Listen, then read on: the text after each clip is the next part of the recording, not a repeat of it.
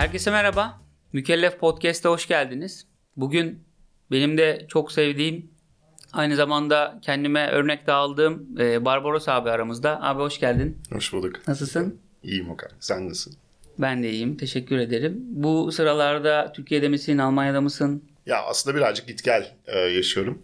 Yani hafta ortası daha çok İstanbul'da olmayı e, özen gösteriyorum. Hafta sonu da çocuklarla, aileyle Almanya'da geçiriyorum. Sen abi e, seni biz çok iyi tanıyoruz. Tabii birçok girişimci de tanıyordur ama bilmeyenler için bir kendinden böyle çok kısa bahsediyor olabilir misin? Çok kısa bahsedeyim. Almanya'da doğdum, büyüdüm ve bütün iş hayatımı aslında Almanya'da geçirdim. Orada işte Almanya'nın Turkcell denilebilecek Telefonica O2'da kariyerime başladım. Ve ondan sonra 2005 yılında First Data dünyanın en büyük kredi kartı prosesörüne geçtim. Orada değişik pozisyonlarda çalıştıktan sonra 2010 yılında e, çok ilginç bir hikayesi e, var. E, Klarna'ya geçtim. İşte Klarna'nın Almanya Genel Müdürlüğü'nü yaptım 2010 yılından 2012 yılına kadar. Ve bir şey diyorum yapılabilecek bütün hataları Klarna'nın parasıyla yapıp çok şey öğrendim.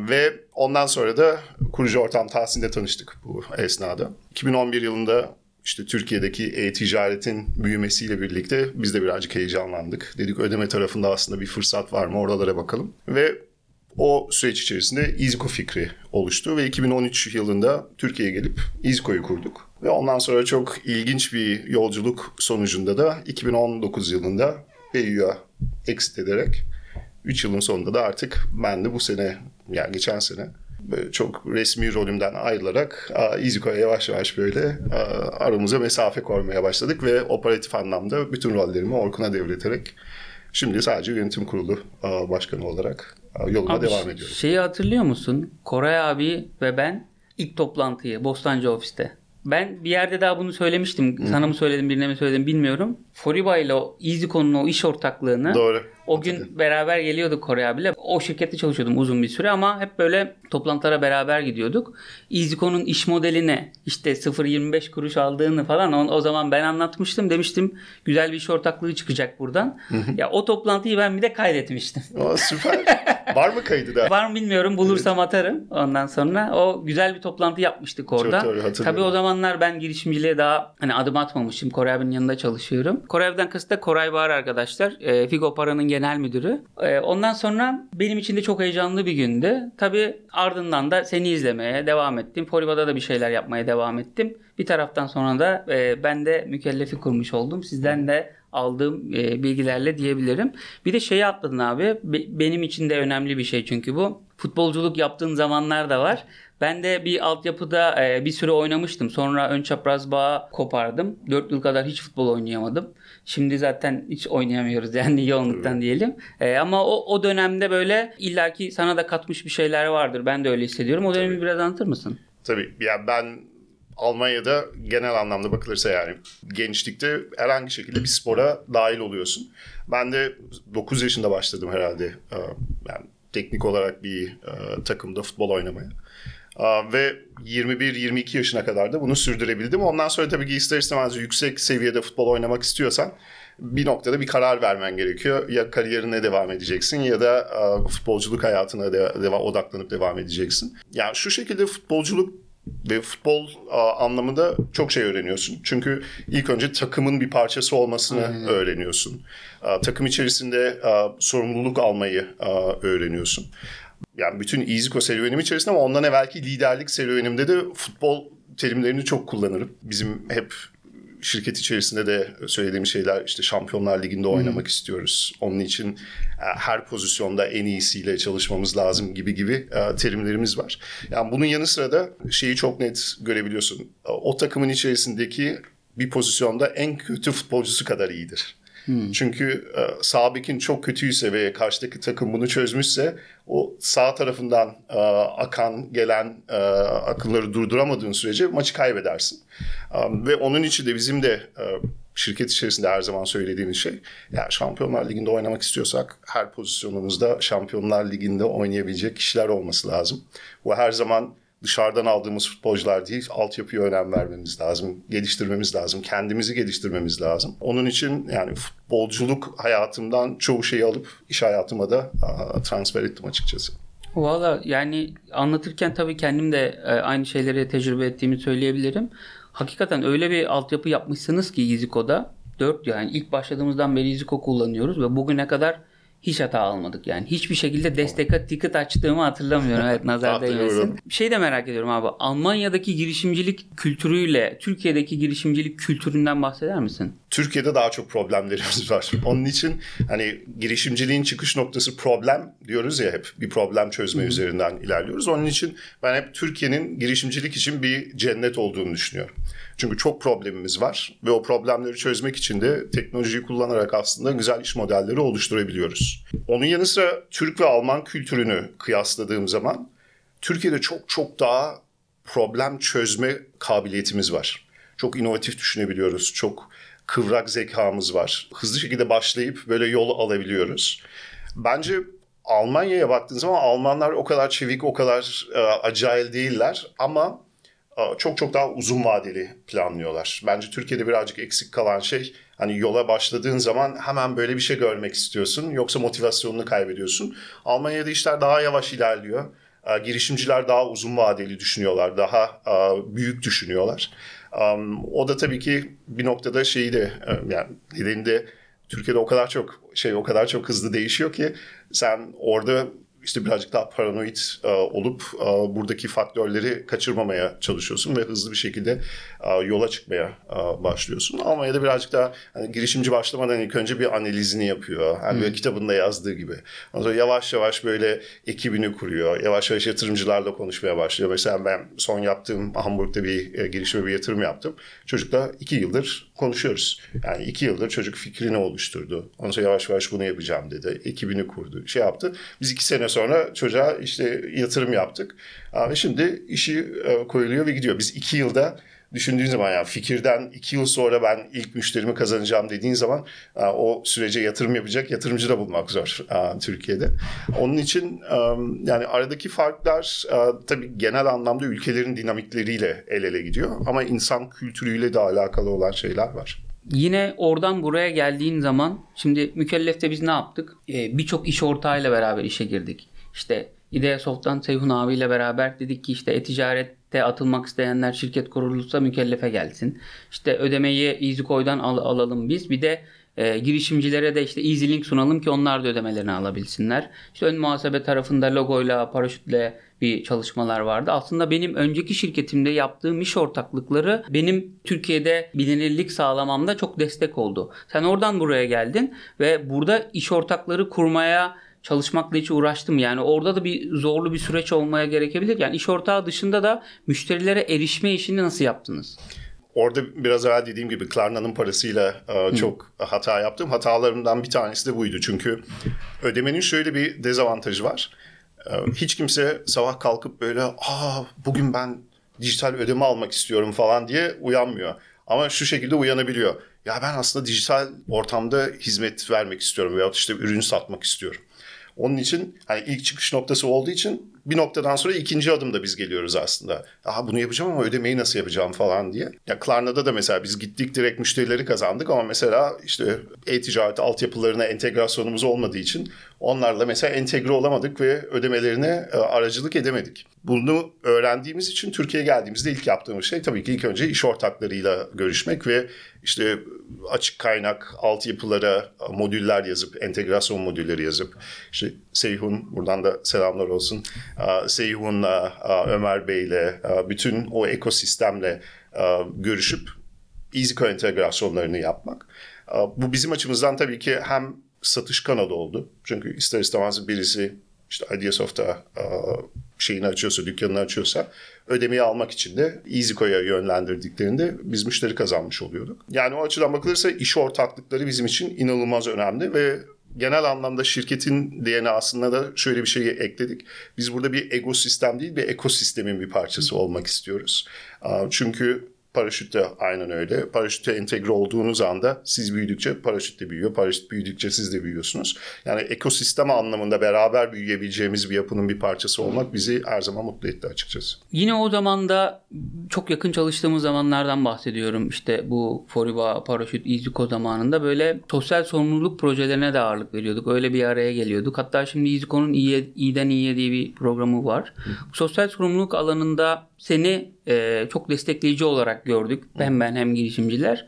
E, o anlamda neler yaptığını ve hani oraya bir bakış açını anlatabilir misin? Tabii. Ya şöyle bir şey var. Ben İziko'da herhalde 15-16 kişiydik e, şirket büyüklüğü anlamında.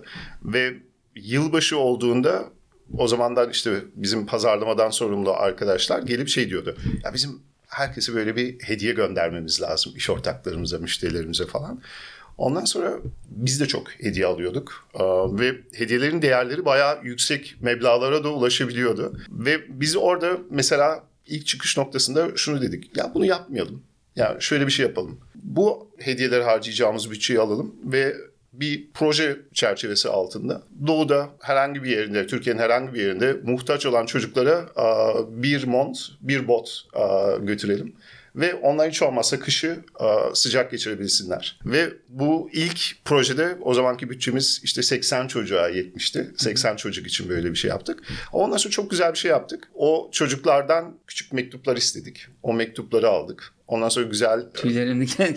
bir kolaj yaptık ve e, iş ortaklarımıza dedik ki ya bu sene bizden bir hediye almayacaksınız. Çünkü biz o bütçeyi işte buraya harcadık ve o teşekkürleri de size iletmek istiyoruz şeklinde. İnanılmaz geri dönüşler Evet, oldu. güzel. Yani inanılmaz geri dönüşler oldu ve ondan sonraki süreçlerde zaten beraber de bu projeleri büyüttük. İşte 80 çocuktan bunu işte 300 çocuğa çıkardık. Bir başka sene işte 2000 çocuğa çıkardık. Beraber Diyarbakırlara gittik, Adanalara gittik, her yerleri gezdik ve e, oradaki çocuklara dağıttık. Yani bu aslında birazcık bu iyiden iyiye e, başlığının başlangıç noktasıydı. Ondan sonraki süreç içerisinde de işte değişik projelerin e, altyapılarına destek olduk. Bugün Ahbap'la çok yakın beraber çalışıyoruz. İhtiyaç haritasıyla çok beraber e, beraber çalışıyoruz. Fonzip'le beraber çalışıyoruz. Onun yanı sıra kadınlara yönelik, e, kadın girişimcilere yönelik çok güzel e, yaklaşımlarımız var ve projelerimiz var. Yani şunu çok net söyleyebilirim. Bütün yapı içerisinde o bir başlangıç adımıydı.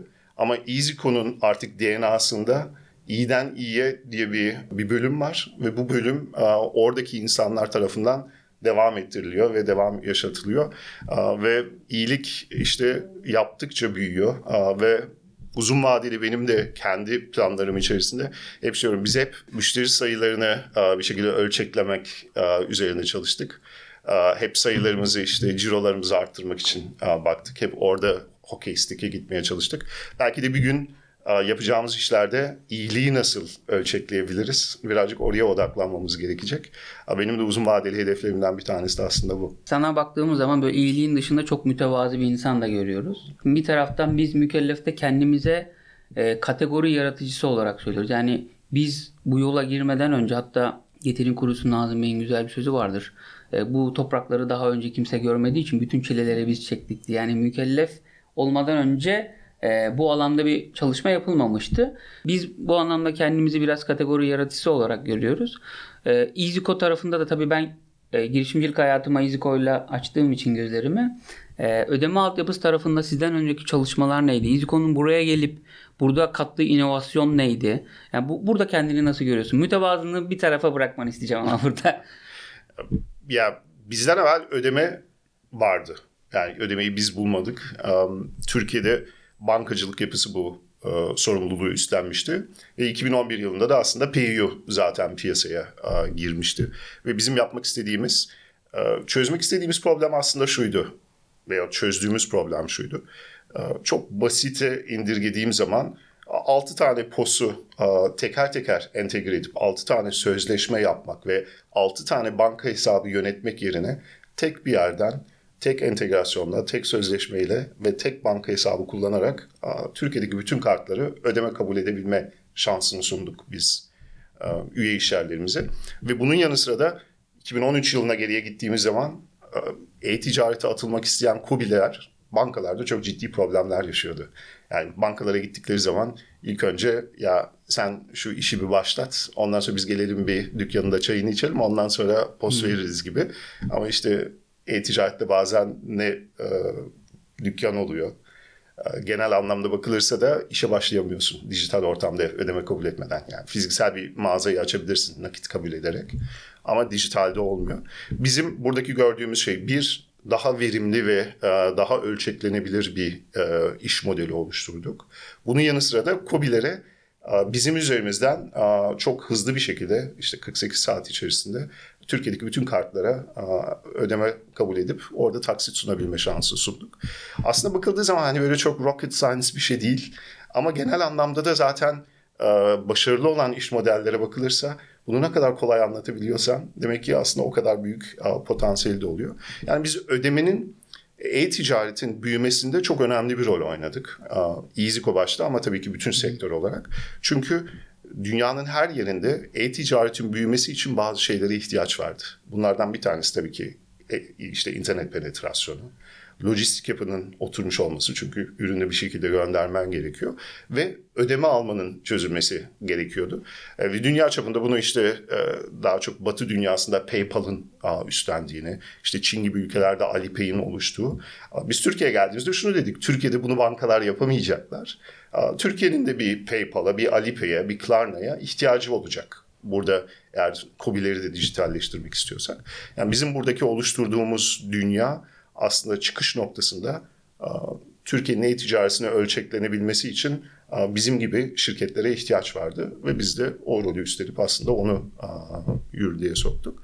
Şimdi ilk çıkış noktasından sonra tabii birazcık şey noktası başlıyor. Tamam bu şirket bir problem çözdü teknik olarak ama bunun vizyonu ne? Ne tarafa gidecek bu şirket? Ve orada da şunun farkına vardık. Bir gün çok iyi hatırlıyorum bir etkinliğe davet ettiler. İşte yılın e-ticaret sitelerini seçiyorlar. Bir masada oturuyoruz, yuvarlak bir masa. Bir noktadan sonra işte small talk yapmaya başlıyorsun.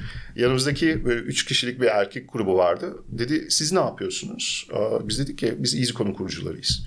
Birden böyle çok heyecanlandılar. O sonra dediler abi biz size çok teşekkür etmek istiyoruz falan dedik. Yani nedir olay? Ya dedi biz dedi çok güzel el işi tam olarak ürünlerini hatırlamıyorum ama bir şeyler yapıyoruz. Ve biz bunu dijitale taşımak istedik ama hiçbir banka bize post vermedi. Ama EasyCo geldikten sonra biz bunu artık yapabildik ve hatta bunu artık şimdi dünyaya satıyoruz. Yani siz bizim hayatımıza çok ciddi şekilde dokundunuz. O noktadan sonra benim kafamda yavaş yavaş şey oluşmaya başladı. Dedik ki biz daha büyük bir şey yapıyoruz aslında. Yani sadece teknik olarak postları tek bir yerde toplama falan değil. Biz aslında hani ödeme sistemlerini daha demokratik bir hale getiriyoruz. Çünkü yani eskiden belki Maslak civarında sen bir e-ticaret sitesi açmak istiyorsan ve bankada tanıdığın varsa bunu yapabiliyordun. Büyük bir problem değildi. Hmm. Ama şimdi bunu Trabzon'da yapmak istiyorsan veya işte Şırnak'ta yapmak istiyorsan, başka bir yerde yapmak istiyorsan bu o kadar mümkün değildi. Ve bizim için şu an e, hala öyle ve ilk başladığı günden beri bizim sitemize geldikten sonra hızlı bir şekilde nereden geldiğin hiç önemli değil. Hızlı bir şekilde hesap açabiliyorsun. Tanıdığın falan da önemli değil. Fiyatlama tarafında da ekip orada standartlarını oturtmuş. Yani orada kimi tanıdığın o kadar önemli olmuyor. Ve standart bir şekilde başlıyorsun ve e-ticarete atılabiliyorsun.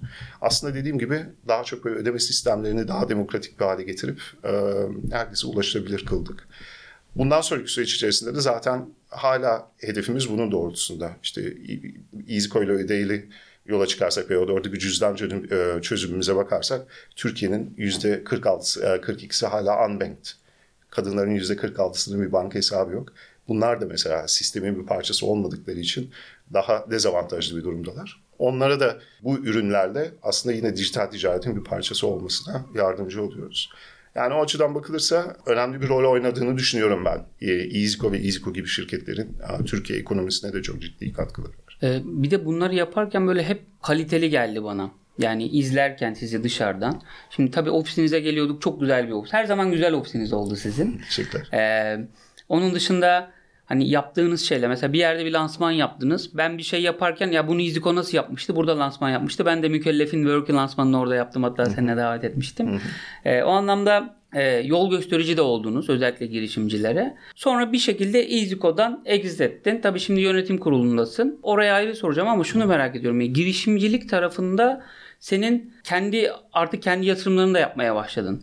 Burada yatırım yaparken belki sayısını da verebilirsin. E, kimlere yaptığını verip vermemek sana kalmış ama nelere dikkat ediyorsun? Sen çünkü hep metriklerle yönetiyorsun işi. O yüzden dikkat ettiğin metrikler yani bizi izleyen girişimcilere şu metriklere dikkat edin diyebiliyor musun? Belki ilk söylediğin şeye yani hep kaliteli e, iş yapıyordunuz. Oraya çok kısa bir değinmek istiyorum.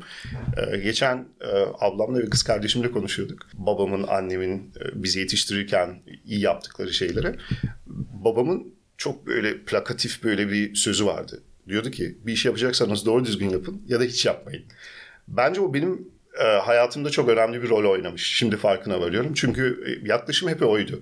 Yani bir şeyi yarım yapmaktansa hiç yapmayalım. Yapacaksak ama odaklanıp çok iyi yapalım noktasında böyle bir takıntım var. Um, Onun için belki de hani o yine şirket içerisinde o şekilde yansımış olabilir. Yani biz mesela çok etkinliğe gitmezdik ama derdik ki bir etkinliğe gideceksek de çok iyi gidelim. Yani en iyisini biz yapalım. O, o bize de inanılmaz var ya. Şunu yaparken, şunu yaparken, bunu alırken yani şu kıyafeti yaptırtırken bile hep diyoruz en iyisi olsun. Aynen. İşte bilgisayarlarımız şu marka olsun.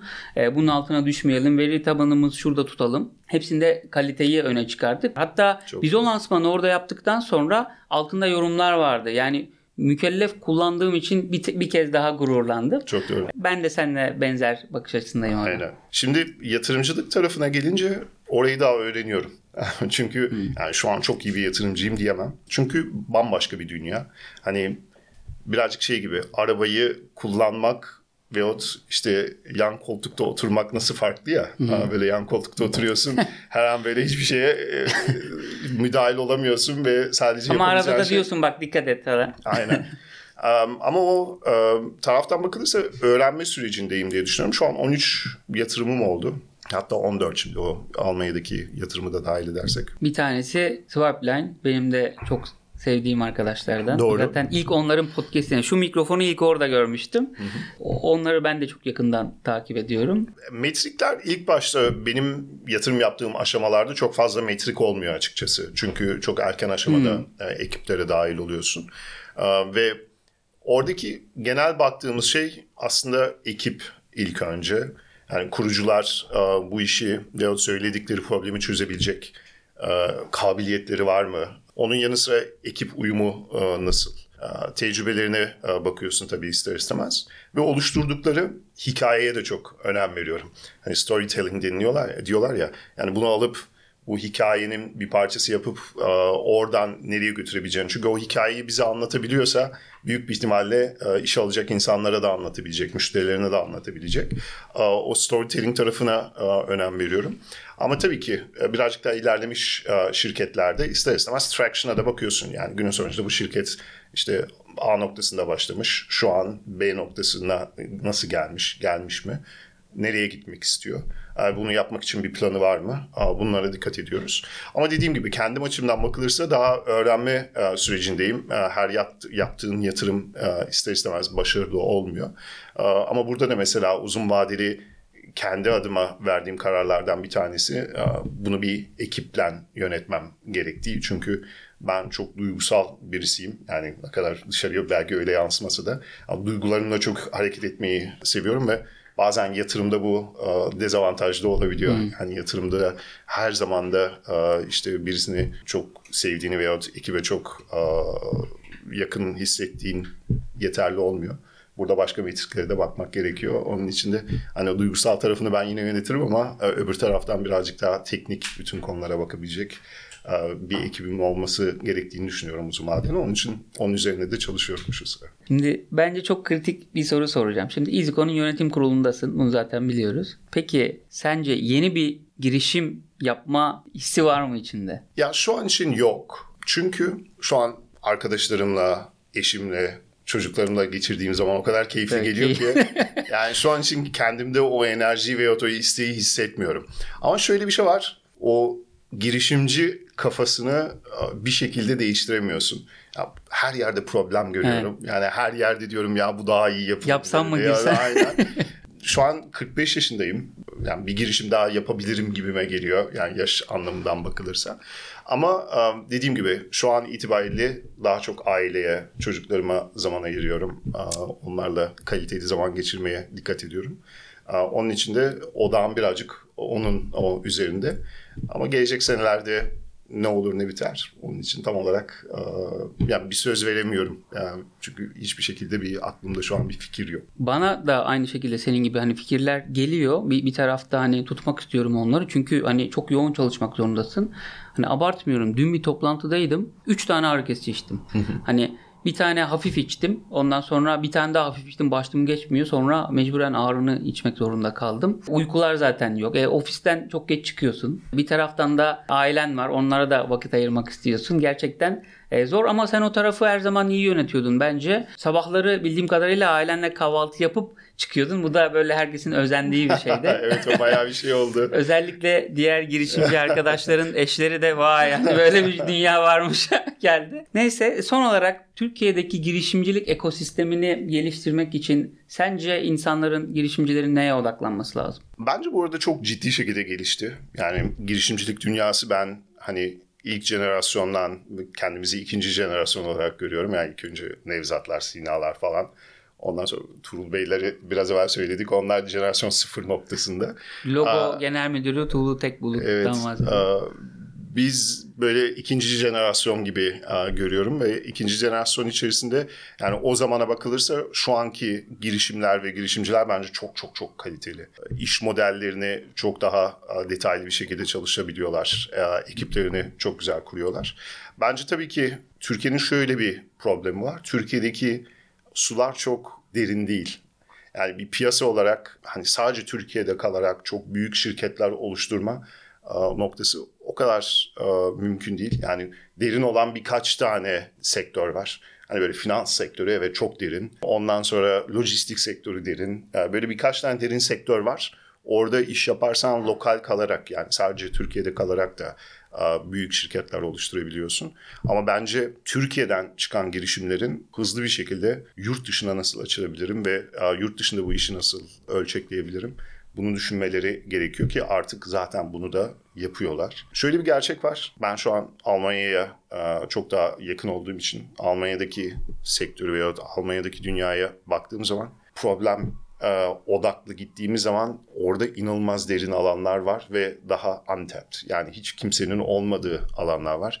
Yani Almanya'nın mesela bankacılık sektörü hala kendime bir şey yapamıyorum diyorum. Türkiye'deki bankalar neden hani Avrupa'ya açılmamışlar? Çünkü Almanya'da 1600 tane banka var. Ee, Ya mobil aplikasyonum üzerinden ki Deutsche Bank Almanya'nın en iyi bankası yapabildiğim tek şey havale, EFT. Başka hiçbir şey yapamıyorum aplikasyon içerisinde. İşte her şeyi şubede yapmam gerekiyor şu. Ve inanılmaz daha hani Türkiye'nin e, 30 yıl evvelki hali.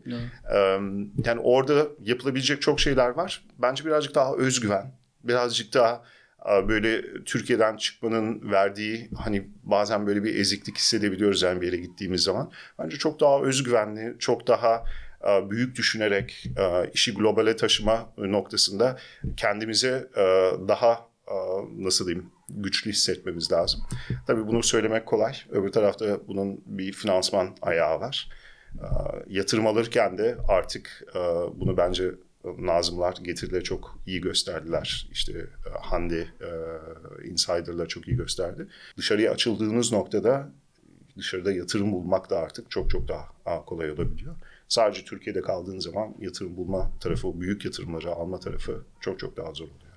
Yani uzun vadeli bakılırsa hani Türkiye'de kuluçkayı e, oluşturup, ürünü oluşturup ondan sonra çok daha global düşünerek yurt dışına açılıp oradaki finansmana ulaşmayı sağlayıp orada büyümek. Aslında birazcık playbook sanki bu gibi. Zaten şimdi yurt dışındaki yatırımcılar bize e, LinkedIn üzerinden ulaşmaya başladı. Tabii bunun önünü açan e, sizin dediğiniz isimler. Yani Türkiye'de arada bakalım diye sürekli yani belki her hafta bir e, fon bize konuşabilir miyiz diye ya- yazmaya başladı. Bu anlamda ekosisteme tabii katkılarınız yine çok fazla. Bitirelim yavaştan. Mükellef Podcast'te bugün Konuğumuz e, Barbaros abiydi. Bence çok keyifli geçti. Umarım senin için de öyledir. Aynen öyle. Çok, Ee, çok teşekkürler davet için. Ben geldiğin için çok teşekkür ederim. Mükellef Podcast Spotify'da, Apple'da ve YouTube'da uzun süre devam edecek arkadaşlar. Bizi takip etmeyi ve beğenmeyi unutmayın. Görüşmek üzere.